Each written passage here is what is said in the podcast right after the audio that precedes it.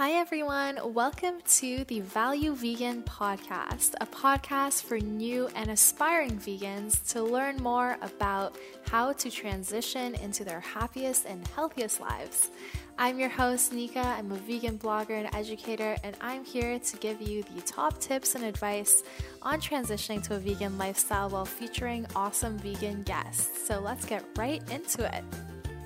Hi, everyone. Welcome to Value Vegan. My name is Nika Mawini, and this podcast is for new and aspiring vegans who want to easily transition to their healthiest, happiest lives and today we're talking about the idea that veganism is expensive. So, before we get into it, make sure to subscribe to this podcast.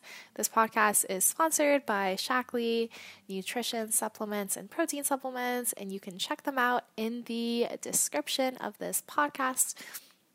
So, let's get right into it. Um, so, a lot of people, when they think about going vegan, they think, oh, oh, I just can't afford to go vegan. And the reason that a lot of people have this conception is that while there are a lot of gourmet vegan foods out there and a lot of companies coming out with different kinds of vegan snacks and luxury, I guess, kind of vegan items that are pricier, like vegan cheeses and vegan some vegan restaurants that have, you know, different kinds of vegan foods. And you know, when you do go out to eat at a vegan restaurant, I'm not going to lie, it is pricey, but that doesn't mean that being a vegan has to be something that's inaccessible and has to be something that people can't afford to be because actually my whole mission with all of this as you guys know if you listen to the first episode is that I want to help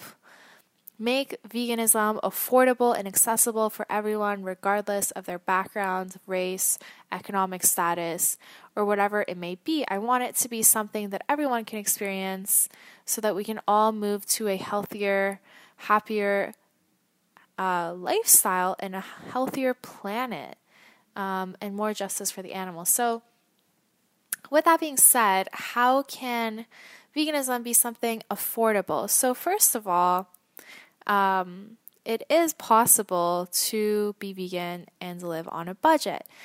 And what this usually means is that, yes, you don't go out to eat at the expensive vegan restaurants and you don't go out and buy the really fancy vegan, you know, like tempeh and vegan chocolate and, and natural and natural health foods like spirulina and Blue Majik and things like that. Um, but what you do eat is is just whole plant-based foods. So that does include a lot of whole grains like whole grain brown rice and bread and things like that. Um, which are some of the most affordable things at the grocery store. And that also includes beans and, you know, beans and bread and that kind of stuff is actually some of the cheapest stuff at the grocery store. And it is filling and it is vegan. um, now, you also want to try to have as much fruits and veggies as possible. And I know that, you know, in some cases, fresh fruits and vegetables are also pricier, especially if you do want to get organic fruits and vegetables. But what you can do is actually buy them in bulk and, and keep them in the freezer.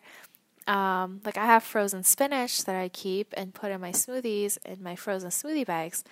And when you have that put together, then it's actually not too hard to get your your greens in and just buy it in bulk and and store it to keep for a while. Um, and what you really have to do is just plan ahead.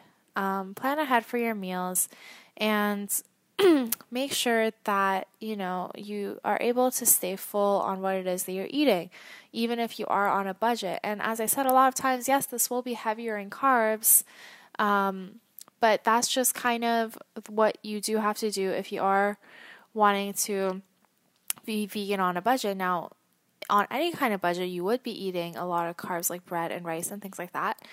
But as I said, as a vegan, you there are ways to just get your fresh fruits and veggies in, and actually, it's cheaper than eating processed food. Unfortunately, the way our food system is structured, and this really upsets me, and and you know, this is what I'm trying to fix in the world is that the foods that are worst for us are sometimes the cheapest, like hamburgers with cheese, like cheeseburgers, and and just like unhealthy processed food. Um, a lot of times is actually cheaper than like getting a salad, and that's what makes me really angry. But that doesn't mean that that it, it's expensive to go vegan. As I said, um, it really comes down to to eating the basics. Like you don't need the fancy tempeh and the fancy tofu, the tofu like chicken nuggets, right? You you want to start off, especially if you're on a budget. And what I would do is I would actually go and look up YouTube videos like like cheap vegan meals and, and there's literally a YouTuber called Cheap Lazy Vegan.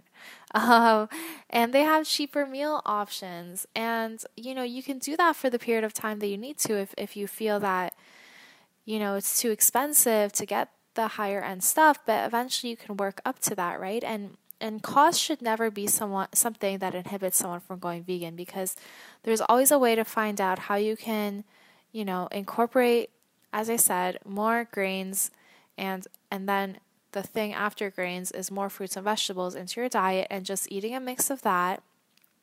And what I like to do also is to actually take a multivitamin every day that has my probiotics and has more of my nutrients so that when I am on a budget, I actually can um, can get all the vitamins that I need in. And it, that doesn't have to be too expensive either. It comes out to a couple dollars a day to just get your your vitamins in. Um, and that's going to really help you make sure that you're getting the right amounts of everything you know, the right amounts of B12, which a lot of vegans struggle with, and the right amounts of different kinds of vitamins so that your body is functioning at its best, even if you do have to be on a budget. At the end of the day, if you're on a major budget, then even if you are not vegan, you know, it's going to be hard. But if you are vegan, at least you know that even though you're on a budget, you're contributing to a healthier planet and a healthier health and healthier life for yourself. Um, and as I said, really just try to keep it simple. Try to stick to those whole fruits and vegetables if possible. And, you know, as I said, you do have to supplement with a lot of grains if you are on a budget, but but you can work up your way to getting to a place where you can go out to those healthier vegan restaurants. And honestly, guys, if you if you guys help me achieve my mission of making those affordable vegan restaurants a reality, then we're all going to be eating delicious food on a budget. So super excited about that. But anyway, I just wanted to, to make this video um, as one of the first episodes because this is one of the biggest misconceptions people have. And really, it comes down to just sticking to those whole plant based foods, um, really just eating mostly fruits and vegetables and grains and, and getting your vitamins in. So, I hope this kind of cleared that up for you. I know that a lot of people have this misconception, so I hope you don't let that stop you from going vegan, and I hope this helped you out a little bit. So, if you enjoyed this podcast episode, make sure to check out our Facebook group, Aspiring and New Vegan uh, Community on Facebook, and it'll be linked in the podcast description. And you can also um, take a screenshot of this of this podcast and share it on Instagram story and tag me at value.vegan.